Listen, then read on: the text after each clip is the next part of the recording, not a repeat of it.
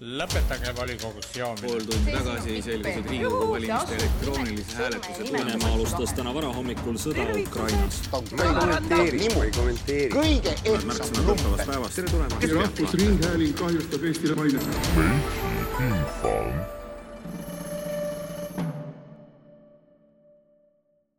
Tere, hea kuulaja! tudengitel sünnitusmajast on sind hea meel tervitada Meediapalati viiendas episoodis, mida me hellitavalt võime kutsuda minijuubeliks.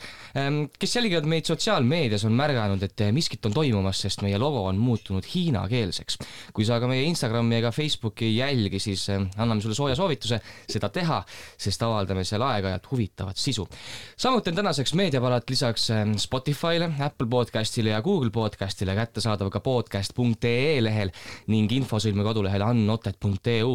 infosõlme näol on siis tegemist äh, noortega, kes soovivad ühendada Z-generatsiooni ideed maailma asjadest, poliitikast ja välissuhetest ühele platvormile. kusjuures selle eesotsas on meie hea kursaõde Laura-Sofia Tohver, tervitused sulle tänane saade on aga võrreldes nelja eelmisega erinev. me otsustasime, et väikese juubeli puhul jätame oma tavapärase formaadi hetkeks kõrvale ja võtame ette ühe täiesti teistsuguse ja huvitava teema. samuti on meil täna külas üks väga eriline inimene. Martin, millest me täna räägime ja kes meil külas on?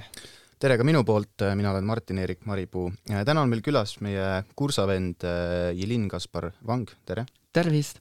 ja me räägime täpsemalt siis äh, Hiina äh, meediast, ajakirjandusest, ja kõigest muust, mis sinna juurde kuulub, nii et ma arvan, et tuleb väga huvitav saade, vähemalt meil oli väga huvitav seda ette valmistada, nii et eh, head kuulamist!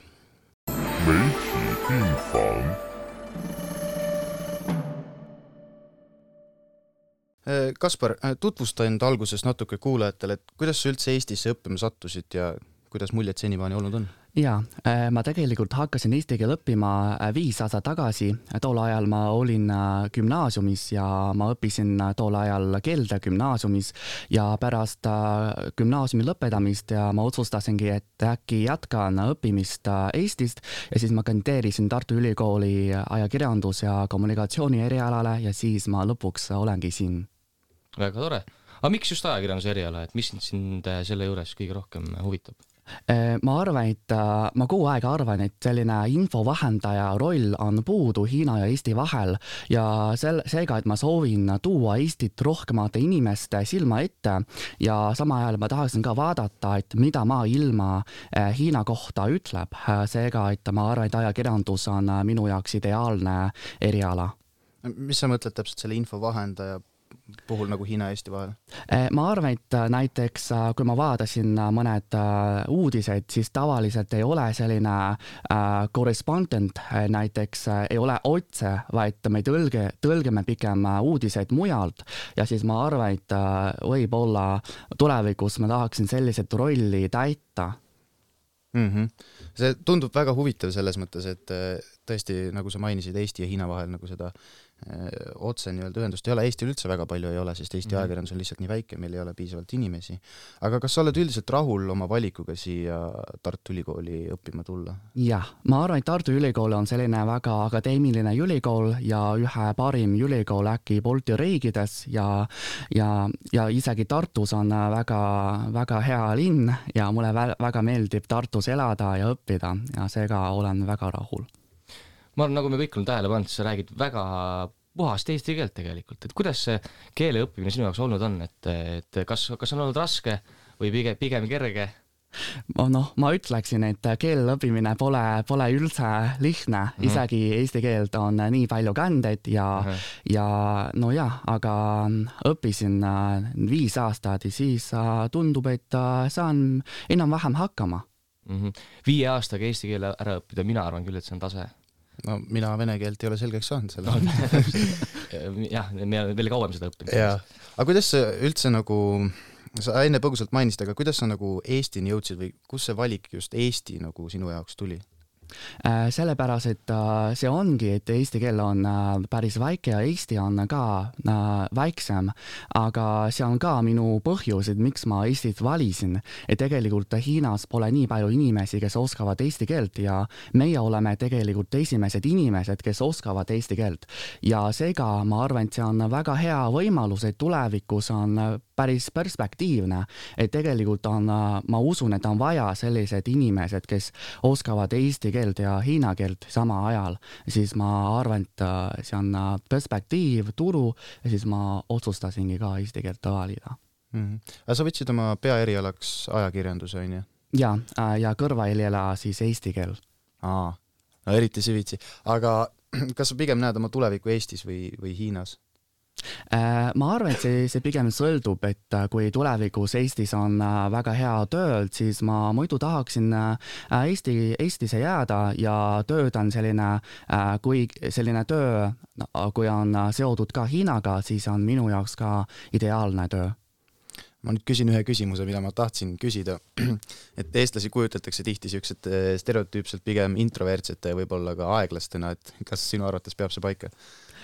Ja ma arvan, et see vastab tõele, et nagu teised põhjaeurooplased, ees, eeslased on ka selline introvertsed ja, ja aeglased, aga üldiselt jaa, aga see ka sõltub näiteks, kui eeslased istuvad ro rooli taga, siis pole nad üldse aeglased.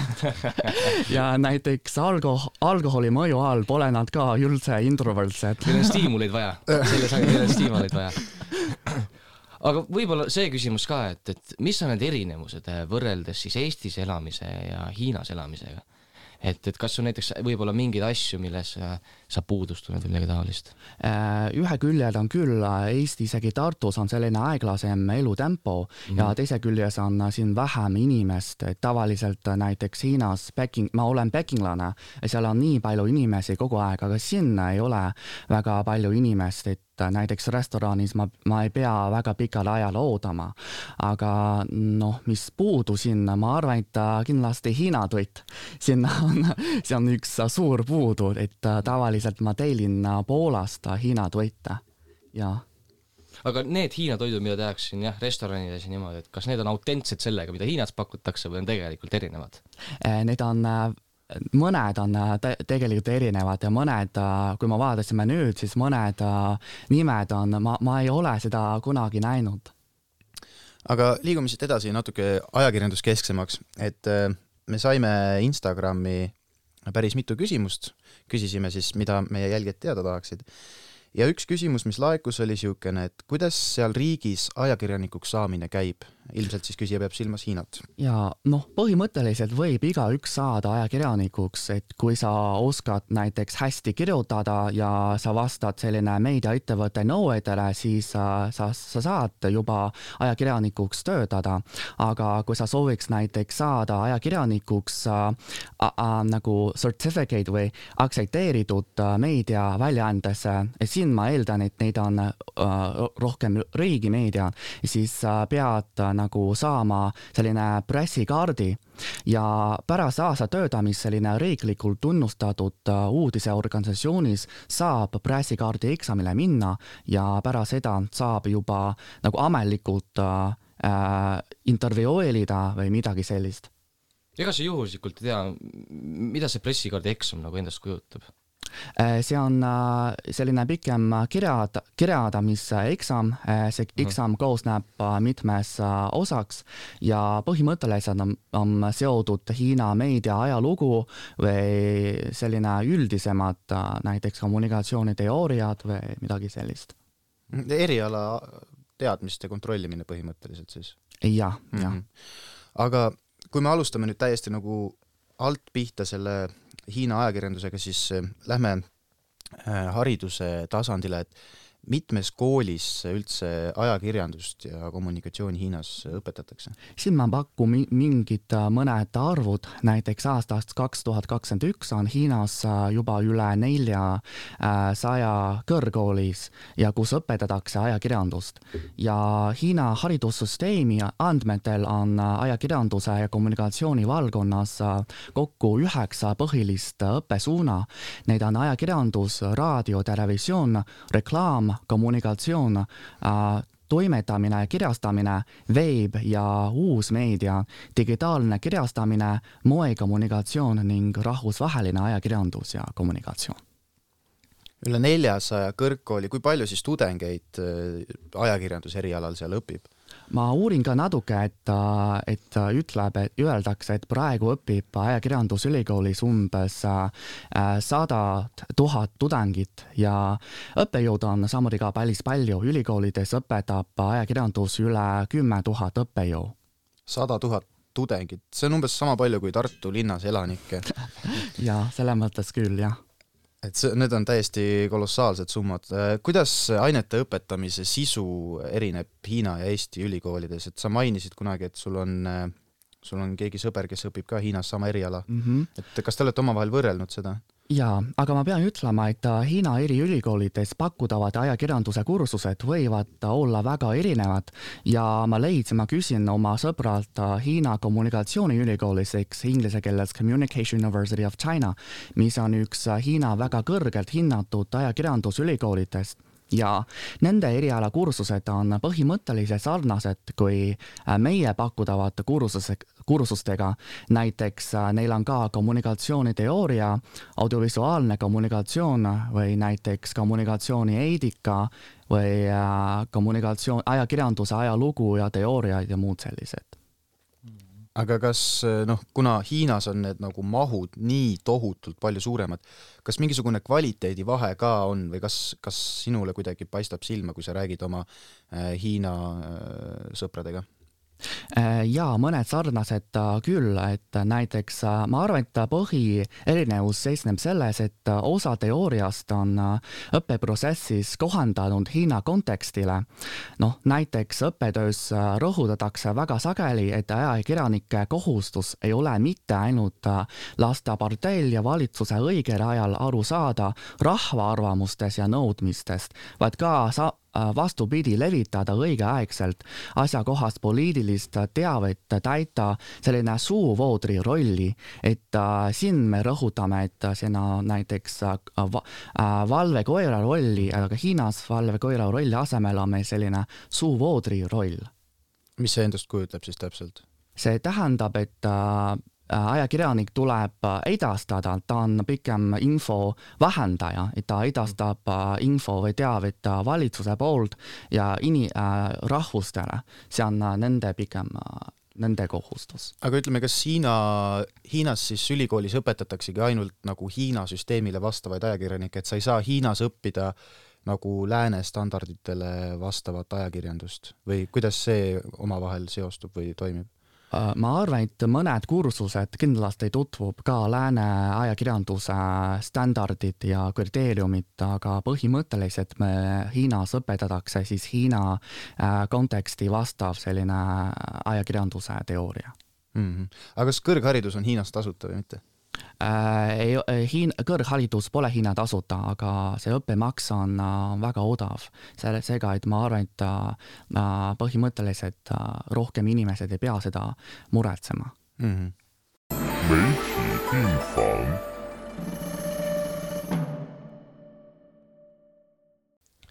nüüd võikski rääkida laiemalt Hiina meediasüsteemist. nagu me teame, siis Eestis on meil, eks ole, avalik-õiguslik meedia, erinevad erameediaväljaanded, näiteks Delfi, Postimees, maakonnalehed, linna, vallalehed ja muud sellised. et kuidas, kuidas Hiinaga lood on, et milliseid väljaandeid seal kohtab? Äh, Hiinas on äh, päris palju väljaandeid mm -hmm. ja kui me kui me vaatame selline väljaande, annete arvult, siis äh,, siis põhimõtteliselt seda on ka päris palju põhjus on see, et meil on päris palju ka riigimeediat, meil on praegu kaheksateist ametlikku riigimeedia. aga kui palju kokku näiteks ajalehti Hiinas kohtab? palju neid kokku on üleriigiliselt siis? Kui me vaatame siis äh, ajalehte arvu, siis äh, aastal kaks tuhat kakskümmend ilmub äh, üleriigiliselt kokku tuhat kaheksasada kümme ajalehte. Mm. See on ikka päris, päris palju mm. -hmm, aga millised väljaanded seal veel on, et äh, kas on äkki mingisuguseid äh, välise, välismaal tegutsevaid väljaandeid või, või, või, või midagi taolist ka? jaa, meil on ikka, näiteks kõige populaarsem on minu arvates China Daily, eks see on üks Hiina rahvuslik inglise päevaleht mm. ja samal ajal ka näiteks Global Times, see on ka ajaleht, mis on mõeldud välisriigidele, aga mõned väikesed meediaväljaanded, näiteks veebipõhine, üks Hiina China Smack, see on ka väga-väga hea meil-, meediaväljaanne, mis on mõeldud, mis tegutsevad väljaanded aga kui me võrdleme näiteks Eesti meediaajakirjandust Hiina omaga, et milliseid suurimaid erinevusi kohtab? Äh, ma arvan, et Eestis selline on era- ja kommunikatsioonimeediavõtted on pigem sõltumatud, kuid Hiinat meediaettevõtted saavad rohkem selline riigipoolset reguleerimist. ja minu isiklik arvamus on see, et Hiina meedia eelistab pakkuda rohkem meele, meelelahutuslikke sisu ja vähendada selline kõva teemade levitamist aga mis see eesmärk võiks sellel olla, et just meelelahutuskeskset sisu äh, avaldatakse rohkem? Äh, sest äh, meelelahutuse sisu on selline turvaline tsoon mm, -hmm. et mhm. see on pigem rohkem ruumi, et siin kirjutada ja, ja levitada, aga näiteks kõva teema, näiteks poliitika, et mhm. see on mõni, mõnikord see võib olla päris oh, ohtlik. Et po-, poliitika puhul me pigem räägime siis eh, ühepoolsest infovoost, nagu me enne ja, rääkisime, et on, on see mhm. vahendaja roll, eks ju. aga meelelahutuskeskne sisu, et, et mida, mida sellel, mida sellel nagu täpsemalt mõeldakse, et, et just ajakirjanduses see meelelahutuskeskne sisu mm? -hmm. näiteks Hiinas on päris palju sisuloojaid ka mm, -hmm. et ne-, nemad tavaliselt kirjutavad igasuguseid teemadel äh,, näiteks spordi või äh, mingit duett Äh, või moe selline kohta, et mm -hmm. siin ma mõtlen siis pigem meelelahutuse sisu mm. -hmm. aga kas ongi siis nagu eraldi mingid meelelahutusväljundid ka, mis on nagu suunatud nagu kindlale, kindlale grupile, näiteks meil on, on ju, no kas me, meil on mingid naistelehed ja, ja, ja, ja erinevaid siukseid. jaa, aga meil on nad nagu suurte meediamajade all, et nad ei ole nagu eraldi väljaanded niimoodi. ja, ja ajakirjad on suht päris palju näiteks erinevate äh, huvide äh, täpsemalt mõeldud, aga näiteks ka veebipõhine mõned konto või mõned äh, sotsiaalmeedias on tavaliselt äh, päris palju äh, meelelahutuslikke ka kontosid erinevatel teemadel. Meitsi info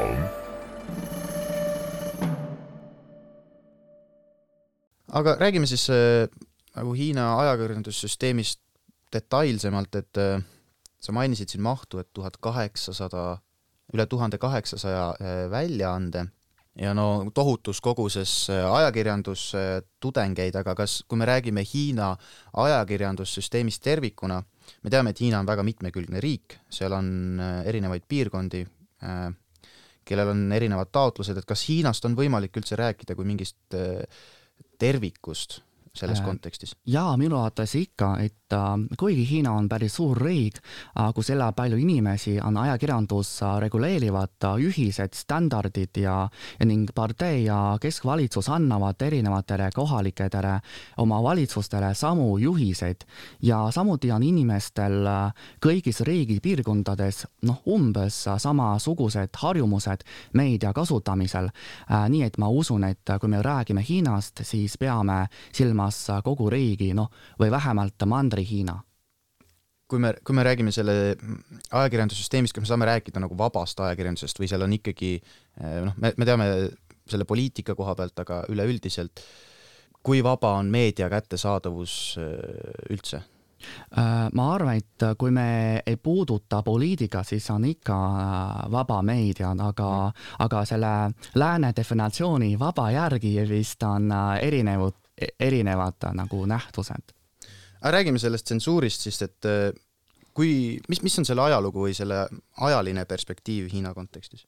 noh, tsensuur on juba olnud päris pikalt ajalugu, et äh, tegelikult tsensuur juba kehtis äh, aastal üheksasada kuuskümmend ja see on Hiina ajaloo selline Song dünastiad ja tol ajal meil on Dibao, eks see on valitsuse välja antud ajalehed ja äh, selline ajaleht peab või, või tohib, tohib ainult äh, avastada valitsuse poolt lubatud sisu.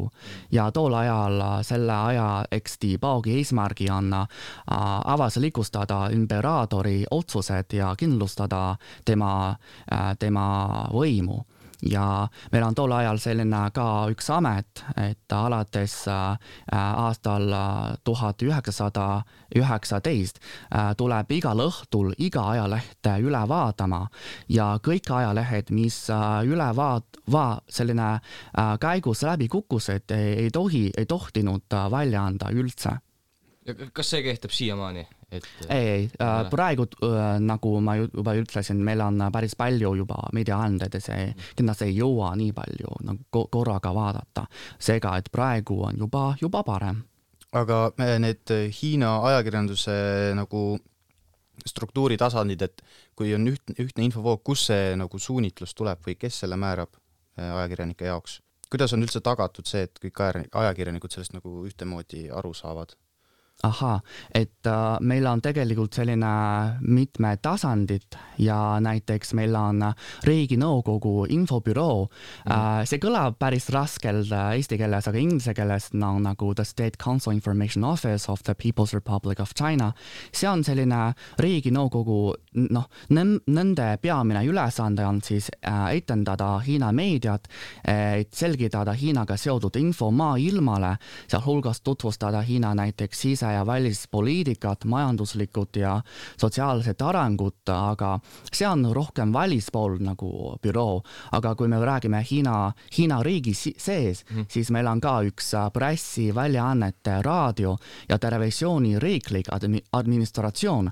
see on, ma arvan, et kõige olulisem nende nagu sõel, et, et nad vastutab nagu uu, uudiste propagandameetodite sõnastamise, avaliku arvamuse õige suuna ja ideoloogia tabamise ja uudiste tootmise eest.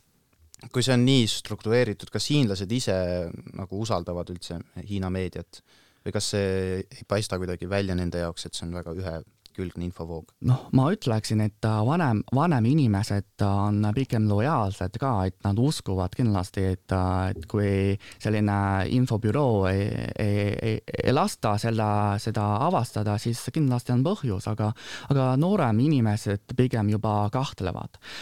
näiteks ma mäletan selgelt, väga selgelt, üle-eelmisel aastal on meil väga populaarsed terisari, aga lõpuks ei, ei, ei tulnud välja, sellepärast et see TV sari on võtnud ühe romaanist ja selle romaani teema on samasooline abielu mm, -hmm. siis selline teema ei sobi üldse nagu, nagu avastada ja seega see selline infobüroo nagu lõppes aa, et samasoolisus ei ole Hiinas aktsepteeritud? jaa, ei ole aktsepteeritud, jah. et mingeid kultuurilisi aspekte siis ka nagu äh, ikkagi piiratakse selles mm -hmm. mõttes auditooriumi jaoks? aga kui me vaatame üleüldist nagu üleilmset statistikat, siis tegelikult äh, Hiina äh, inimeste usaldus oma riigimeedia vastu on, on äh, päris kõrge, kui me võrdleme nagu lääneriikidega, kas või noh, USA-ga, on ju. oskad sa seda kuidagi kommenteerida, et millest see tuleb? Äh, jaa, ma arvan, et äh, tänu, selline tänu selline äh, valitsuse äh, või äh, ajakirjanikud ühemeelse kajastamisele, ma arvan, et inimesed äh, pandakse kokku, nad mõtlevad ka samamoodi. selles mõttes vist äh, selline usaldusväärne riigi poolt on, on tõusnud, kuigi me saame näha selline statistikalt, et, et koroona ajal on selline usaldusväärne langes, aga see oli ikkagi edetabeli tipus välistipus. no koroona ajal vist igal pool maailmas meedia usaldusväärsus äh, mhm. langes, kui niimoodi natuke üldistada mm. -hmm. millised on hiinlaste harjumused äh, meedia tarbimisel, kas nad on pigem online meedia usku või nad pigem tarbivad äh, paberil ma arvan, et see ka sõltub vanusest, näiteks äh, vanemad inimesed on harjunud kuulama näiteks raadiot, vaatama televiisorit või lugema ajalehti, aga kesklised äh, inimesed loevad juba tavaliselt uudiseid selline uudiselugeritest, näiteks ma, ma saan aru, et näiteks Yahoo News või Google News, sellised, selline äpp, kus, kus koguvad uudised erinevatest uudiste väljaannetest ja pakuvad lugejat, lugejatele vastavalt nende lugemisharjumusele artikleid teemadel. ja kui me vaatame noored, siis äh, nad äh, juba on harjunud saama uudiseid sotsiaalmeediast, olgu kas need on siis trendide edetabelites, Weibo, eks sarnane, sarnane äppi kui Twitter või selline lühivideosid, aga traditsiooniliselt meediakontodel TikTokis või näiteks artikleid WeChatis, näiteks nende tellimuskontodelt mm. -hmm. nagu ma aru saan, siis äh, online meedias on sellised kesksed platvormid, kuhu äh, pannakse siis üles nagu uudiseid, aga kas pigem siis äh, loetakse sealt või, või loetakse ka nii-öelda otseväljaande lehelt? Äh, ma ütleksin, et loetakse pigem äh, online'i selline äpp, mhm, äpis, kus mm -hmm. koguvad kõige äh, meediaväljaannetest, sellepärast et kõik uudised on tasuta. et kui on tasuta, siis on, pole mõtet et nagu nende eraldi kodulehele minna ja seal lugeda. et, et Hiinas on kogu ajakirjandus tasuta? jaa, noh, kui me ütleme tasuta uudise, siis ma mõtlen pigem selline tasuta online-uudised, kui sa mm. sooviks näiteks osta paberleht, siis sa pead ikkagi maksma, on ju. aga kuid see on väga, kuna see on väga odav, et uh, Hiina selline People's Daily ajaleht maksab uh, ainult uh,, kui, kui ma tõlgin siis eurole, siis maksab ainult kakskümmend uh, senti mm. üks ajaleht uh,, see on väga odav see on tõesti väga odav mm. -hmm. ma ei tea, mis see meil päevalehtede hind on, aga ikka üle nädalalehe eest sa maksad üle kahe euro ju. aga kuidas see nagu see mudel jätkusuutlik on, et kui sul maksab paberleht kakskümmend senti ja internetist saad äh, uudised tasuta kätte, et kas riik siis toetab äh, ajakirjandust niivõrd palju või? Äh, jaa, kuna traditsiooniline meedia, me ütleme, et äh, nende ülesanne on aidata valitsuspropagandat, propagandaga, siis riigi poolt ka maksab valitsus või näiteks kohalik omavalitsus riigimeedia selline subsideerimise eest, et nad maksavad toeda rahaliselt si. siis me saame rääkida nii-öelda võimust sõltumisest, mis on siis see, et kuna riik toetab, siis järelikult ju tuleb ka edastada riigi jutupunkte, eks ju no see on mm -hmm. nagu Eesti kontekstis vallalehed või maakonnalehed. noh, näiteks, aga noh, jah, suuremas mastaabis. ei, absoluutselt jaa, lihtsalt no need on ka ju kinni makstud põhimõtteliselt äh, kohaliku omavalitsuse poolt, see on sama, sama asi. seal muidugi noh, niisugust tsensuuri muidugi ei ole, et ei aga kust sa tead? vot ma ei tea pole, pole toimetuses käinud, ma ei tea ja aga, aga kuidas see reklaamiga lood on, et kui ajakirjandus on tasuta, kas nad müüvad reklaami ka, siis teenivad selle pealt ka tulu või mitte? Jah, näiteks mõnele riigile kuuluvad meediakanalid, nagu näiteks People's Daily, kes reklaamivad kasumi saamiseks äh, paberlehtedes äh, või äh, praegu pigem rohkem sotsiaalmeedia platvormil, kus nad saavad selline klikkide kaudu osa vastavalt sotsiaalmeediast, selline, et sotsiaalmeedia nagu annab neile raha.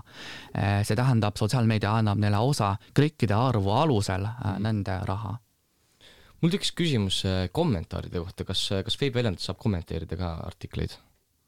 Äh, kommenteerib saab ikka, aga see väga sõltub ka teemadest mm., näiteks poliitilise teema on alati kommentaariumi selline on suletud pandud, et inimesed ei tohi. noh, põhimõtteliselt tohib küll, aga kui sa postitad ära, siis ainult sina ise saab näha sinu kommentaar mitte keegi teine seda näha ja, ei saa? mitte keegi teine. ise like ida ka saad seda oma kommentaari? jaa ah, siis on hästi ainult üks like ainult üks like, jah. aga sa ütlesid enne, et ähm, väljaanded saavad palju toetust riigilt, kas, kas, kuidas see omandisuhe seal taga on, et kas need kuuluvad siis ka riigile? Äh, jaa, et äh, kui selline kaheksateist riigimeediat, siis nad ilmselt kuuluvad ka riigile, aga teised äh, näiteks, kui neid on äri, ärifirmad, siis pigem nad on, nad on iseseisvalt ega ei, ei kuulu riigile, aga peab vastama riigi poolt antud selline kriteeriumile või nõuetele nii et mingil määral erameedia ikkagi eksisteerib Hiinas ka? ja, ja ikka eksisteerib, isegi kui see on meelelahutuslik, siis, siis jah. aga kui me nüüd kolmekesi otsustaksime järgmine suvi, et pakime kohvrid kokku, lähme Hiinasse, hakkame seal ajakirjandust tegema.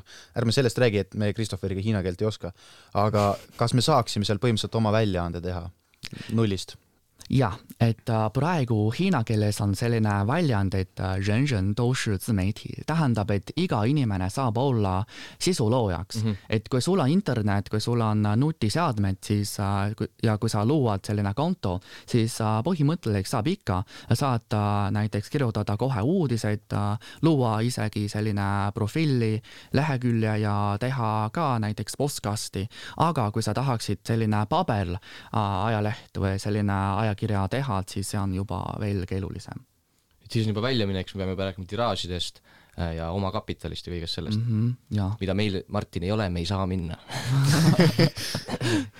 aga siis sellisel, sellises kontekstis me oleks pigem nagu sotsiaalmeedia sisuloojad, mitte nagu nii-öelda professionaalsed ajakirjanikud, sest enne sa mainisid, et me peaksime mingisuguse eksami läbima, onju et aga... seda meil välismaalasena vist oleks keeruline läbida, onju. Mhm. selline eksam ei ole kohustuslik, et kui sul Aa. selline eksam ei läbi, siis sa, sa saad ikka töötada ajakirjanikuks, isegi see ei ole nagu riigi poolt ajakirjanik.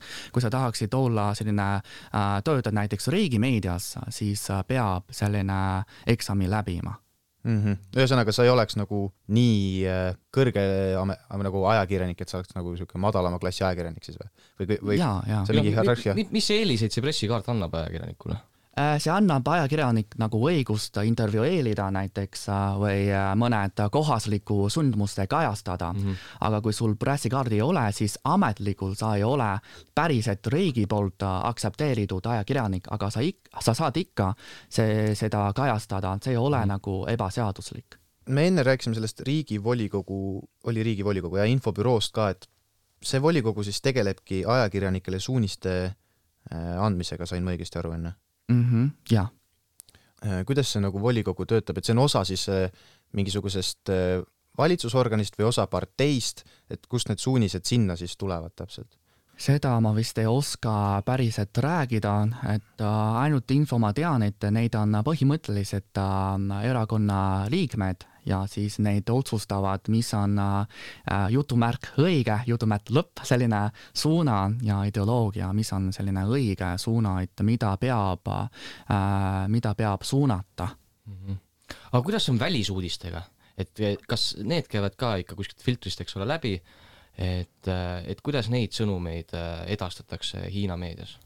Ma ütleksin välismeedia tavaliselt äh, jah, igasuguseid välismeediaannetel saab näha äh, Hiina traditsioonilise meedial või sotsiaalmeedias ka mm, -hmm. aga mõned äh, ka tundlikud teemad isegi Hiina kohta, siis peab väga põhjalikult nagu sõe, sõela läbi, läbida ja siis siis saab Hiina internetis näha aga kas Hiina, Hiinas on äh, kättesaadav näiteks äh, BBC või CNN ja, ja siuksed väljaanded?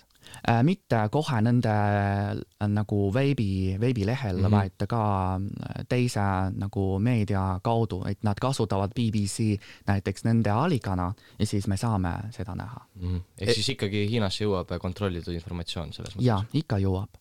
jah, et otse, otse BBC lehele minna ei saa, et mm -hmm. ainult siis, kui ajakirjanik on seda allikana kasutanud, jah? jah saime Instagrami veel selle küsimuse, et kuidas kajastab Hiina meedia Euroopas eh, toimuvat sõda? Et see on äh, väga huvitav küsimus.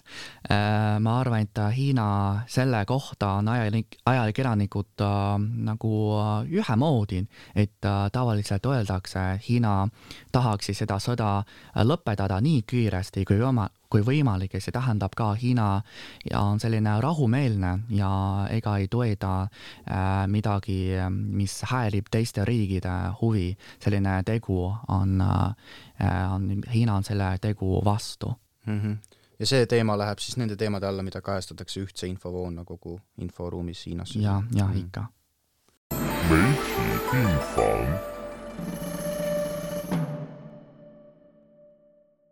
Aga võiks minna veel äh, Hiina sotsiaalmeedia juurde, sest see on ju ka äh, osa meediast, aga enne tahaksingi küsida kaks äh, küsimust, mis käisid läbi meie Instagrami küsitlusest, et esiteks, et miks Hiinas Spotify bänditud on, et miks nad selle, mida nad selle asemel kasutavad? noh, Hiina Spotify ei ole ametlikult bännitud, lihtsalt näiteks Apple Music on juba Hiina turul olemas, aga lihtsalt, et Spotify'l ei, ei ole Hiinas sellepärast, et üks on see, et Hiinas kohalikud meediaplatvormid arenesid juba päris varem. näiteks online'i muusikaplatvormid ilmusid juba aastal kaks tuhat viis mhm. ja aja arenguga on turg nüüdsed noh, minu arvates juba natukene küllastunud ja teiseks on Hiina äh, kohali, kohalikus muusikaplatvormis suur hulk hiinakeelse laule, mis on paljudele inimestele olulised ja samuti Hiina laulude rangede kontrollireeglite tõttu suur osa Spotify muusikat poleks võimalik Hiina turule jõuda. Ja ma arvan, et see võib olla ka põhjus, et miks Hiina turule sisenud Apple Music on praegu olnud ebapopulaarne, sellepärast et neil on väga vähe hiina keele laule ja nüüd on aga Hiina, me kasutame populaarsemad muu, muu muu muusikaplatvormid, näiteks äh, Natis Cloud Music või QQ Music, see on äh, praegu kõige populaarsemad Hiina äh, mei-, muusikaäpid aga kuidas lääne muusikaga on, et kas need on ka vabalt kättesaadavad Hiinas või, või see peab ka kuskilt filtrist läbi käima?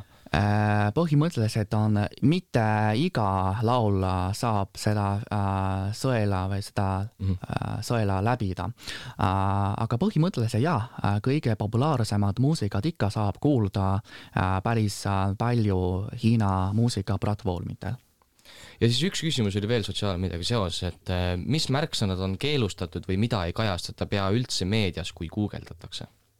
kõigepealt pean ka ütlema, et uh, üldse Google ei ole praegu Hiinas saadaval mm -hmm. ja me kasutame Google'i asemel mingit Hiina kohalikku otsimootorit ja ka ma, ma võin öelda, et uh, otsingumootori ei ole põhimõtteliselt mingeid piiranguid seoses märksõnadega. et ma tegelikult olen proovinud ka mõned tundlikke märksõnu ka uh, sisse panna. Ja tuleb näitas, et tulemus näitas, et kõik saab uh, kõik annab äh, asjakohaseid otsingu äh, tulemusi, aga kui me vaatame siis konkreetsemalt meediaplatvormil, siis neil on väga juba päris palju mõned piirangud, märksõnad. Äh, näiteks koroona ajal on mingid videoplatvormil piir nagu bännid sõna näiteks mask või äh, koroona, sellise sõna on, on bännitud. mul on ka ise äh, selline isiklik kogemus, et ma tahaksin äh, tol ajal üks videot postidama, aga ta ütles mulle, et kuna ma mainisin sõna koroona ja mask ja siis see videot ei saa päris avaldada. ja siis mm. ma kasutan selle, nende sõnade asemel piip saan, siis see, see, see läbi, see sai läbi. no ja meil on umbes niimoodi, et Youtube'is ei tohi ropendada, et siis kasutatakse ja. niimoodi. koroona ajal ikkagi meile Spotify's näiteks ka tuli ju seda, sa said selle oma episoodile selle märgise külge, et see, siin räägitakse, ma ei tea, Covid üheksateistkümnest. see, mhm. see on nagu enam-vähem maksimum, mis äh, meil nagu, mis, mis kogemus meil sellise äh, kontrolliga on, et see on väga huvitav kontrastsus nagu kahe erineva süsteemi vahel mm. -hmm. Lähme siis selle sotsiaalmeediaga edasi, et minu esimene küsimus oleks see, et, et kas Hiinas kasutatakse ka näiteks Google'it, Facebooki, Instagrami, Twitterit ja muud taolist või on seal ikkagi äh, nii-öelda Hiina äh, enda, enda platvormid? noh, kahjuks meil ei kasuta äh, nagu neid äh, sotsiaalmeediat või sotsiaaläpid, mis lääneriigis kasutatakse, aga iga äpi asemel on meil Hiina kohalikud äpid, näiteks Facebooki asemel on meil WeChat mm -hmm. ja WeChat on praegu kõige populaarsem sotsiaalmeedia, seal on on praegu rohkem kui üks miljard äh, kasutajat. Ja seal on nagu, see saab äh, mitte ainult instant sõnumite saatmine või uudiste või muude artikli lugemine, videot või otseülekandede vaatamine, vaid äh, praeguseks saab ka nagu widget'i makse teha või selline digitaalne meediateenust teha, see on praegu widget'i peamise funktsioon mm. -hmm. et need kohalikud Hiina, need on ainult Hiina-sisesed või neid saab väljaspool Hiinat ka kasutada või äh,? saab ikka, et kui sa, kui sa nüüd lähe nagu App Store'i, siis äh, saab ikka seda widget'i alla laadida mm, -hmm. aga see on nagu, nagu välismaale mõeldud äpp aa, et need on eraldi äpid jah ja.? aga mahu poolest sa ütlesid miljard kasutajat, need on enam-vähem sama suured kui Facebook, Instagram tegelikult ju? ja, ja. aga nagu ma aru saan, siis WeChatil on äh, erinevaid funktsioone, et mitte ei olegi ainult äh, nii-öelda äh, sisu tootmine ja, ja, ja muud taolist, et on ka näiteks maksete tegemine, on ju, et see on väga huvitav. Jaa, et tegelikult inimesed seodavad või, või, või veel lähevad oma pangakaardiga koos äh, WeChatit ja siis äh, seal on tavaliselt üks, üks äh, ruutkood, selline QR kood, et kui sa tahad iga kord toidupoes käia, siis lihtsalt näita oma ruutkoodi ja siis seda raha võtab otse oma pangakaardilt. ja selline põhimõtteliselt saab kasutada ainult üks ruutkoodi, see on päris mugav. ehk siis see lihtsustab kõvasti tegelikult üldse igapäevast elu ühesõnaga? jaa, kui ma olin Hiinas, siis ma ei võta oma oma pangakaardi ega, ega ka midagi muud, lihtsalt oma mobiiltelefon on piisav mm. -hmm. aga kui me rääkisime enne ajakirjandusliku väljaannete nagu omandi suhtest, kuidas siis nende sotsiaalmeediaplatvormidega on, et kas need on ka kuidagi riigiga seotud või riigi kuuluvuses? Äh, jah, näiteks äh, me kasutame Twitteri asemel Weibo ja seal on igasugused äh, uudised ka seal, aga et mõned, mõned teemade kohta tuleb siis Riigikontroll või mm, -hmm.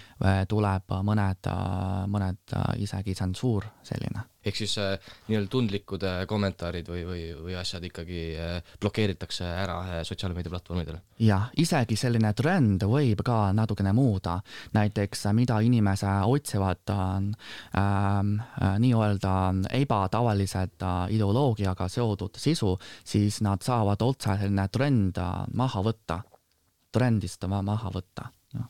aga kui näiteks otsingumootoris või kuskil äh, otsidagi äh, nii-öelda panna neid tundlikuid märksõnu sisse, siis ilmselt jääb sellest mingisugune jälg, on ju, internetti maha, et et kas siis riik kuidagi seejärel teeb mingisuguseid oma eeldusi ja võib-olla võib su panna sinna nii-öelda musta nimekirja Eh, ma arvan, et kui sa ei pane oma nagu päris nime või mm -hmm. sa ei ole nagu seal isikustanud, siis ma arvan, et see on äh, suht okei okay.. aga kui sa kasutad näiteks oma tun-, äh, kasutusnime, oma päris nime, siis äh, seda on äh, noh, juba natukene ohtlik mhm.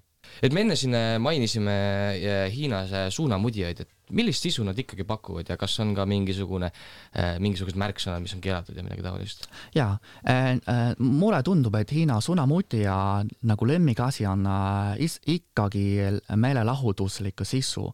näiteks nad pakutakse peamiselt mõned lühikesed videod või arutel, arutelu erinevatel teemadel peale poliitika ja mõned mainitakse keeratud märksõnu tahtmatult ja, ja seega siis see süsteem piirab postitus postitus või selline videotekst, see tähendab, et keegi ei saa seda postituse või video näha.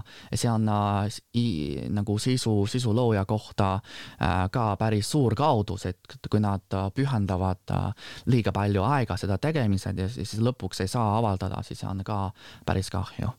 aga kuidas, kas on ka Hiinas, äkki sul tuleb pähe mõni selline äh, meeldejääv suunamudja, kes ongi olnud näiteks äh, nii-öelda äh, vastuliikumises või midagi taolist ja ta on nii-öelda siis ära, ära keelatud äh, pigem ei ole siuksed, on ikka? ikka, ikka, et näiteks koroona ajal on mõned suunamudija, kes, kes tegi selline väike protestid ja mm, -hmm. ja tegelikult tema, tema konto on, on kinni pandud ja näiteks kommenteerium on suletud ja midagi sellist mm. -hmm. aga sisu endiselt on nagu saadaval siis või?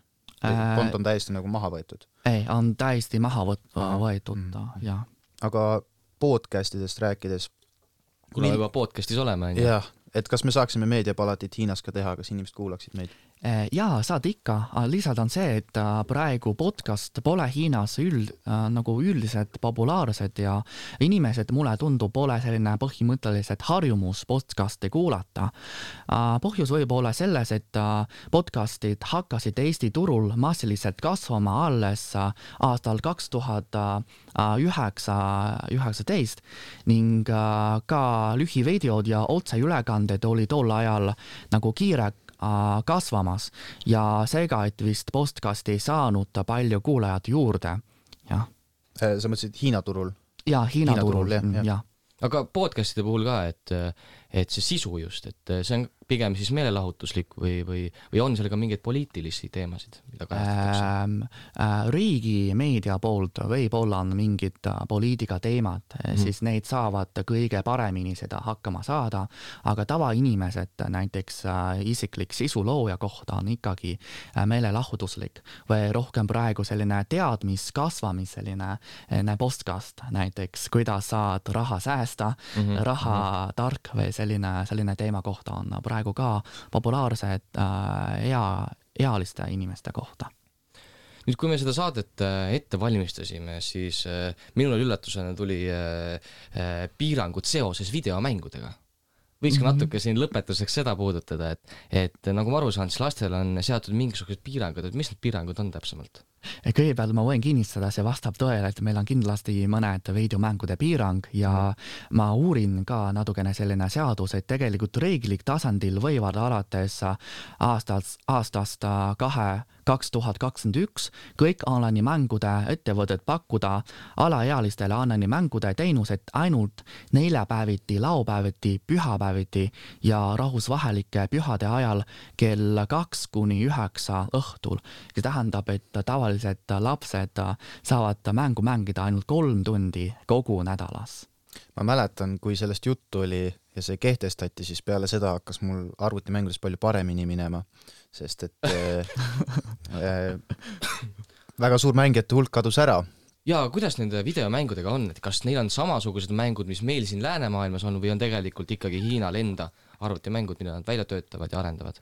Äh, on küll mõned arvutimängud äh, lääne poolt mm, -hmm. aga kuna mina ei oska palju, päris palju seda öelda, aga ma võin öelda, on see, et, et tegelikult Hiina poolt online'i arvutimängud on rohkem ja aga, aga, aga, aga kõik äh, meid, äh, aga kõik äh, nagu mängude siselogimist peab oma ID-numbrit mm -hmm. nagu panna, oma nime panna, et selline saab nagu tunda, et kas sa oled äh, alaealiste või täiskasvanud.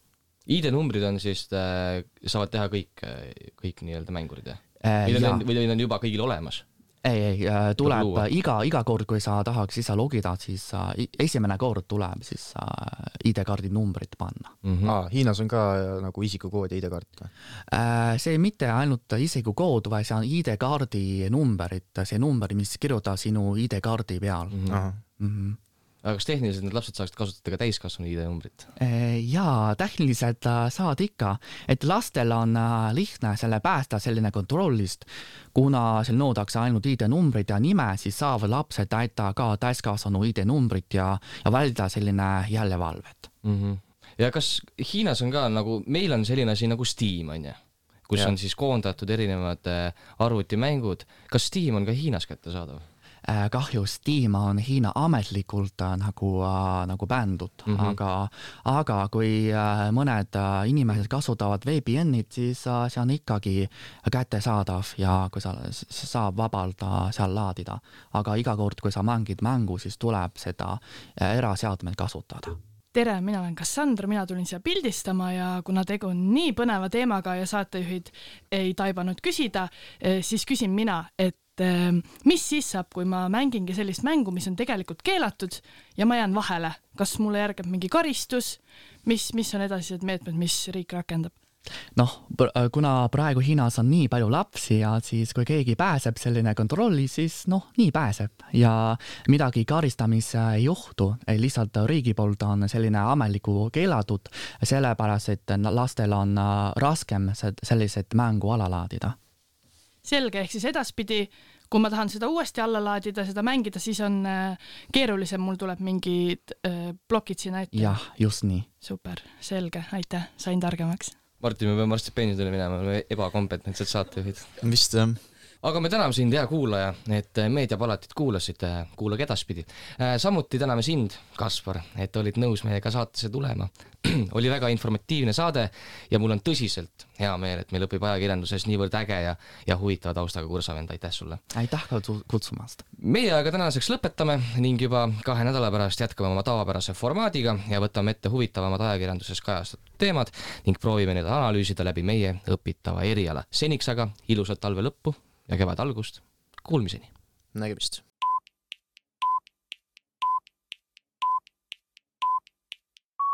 lõpetage volikogus joomine. pool tundi tagasi selgusid Riigikogu valimiste elektroonilise hääletuse Venemaa alustas täna varahommikul sõda Ukrainas. ma ei kommenteeri, ma ei kommenteeri. kõige ehtsam number. tere tulemast. rahvusringhääling kahjustab Eestile mainet.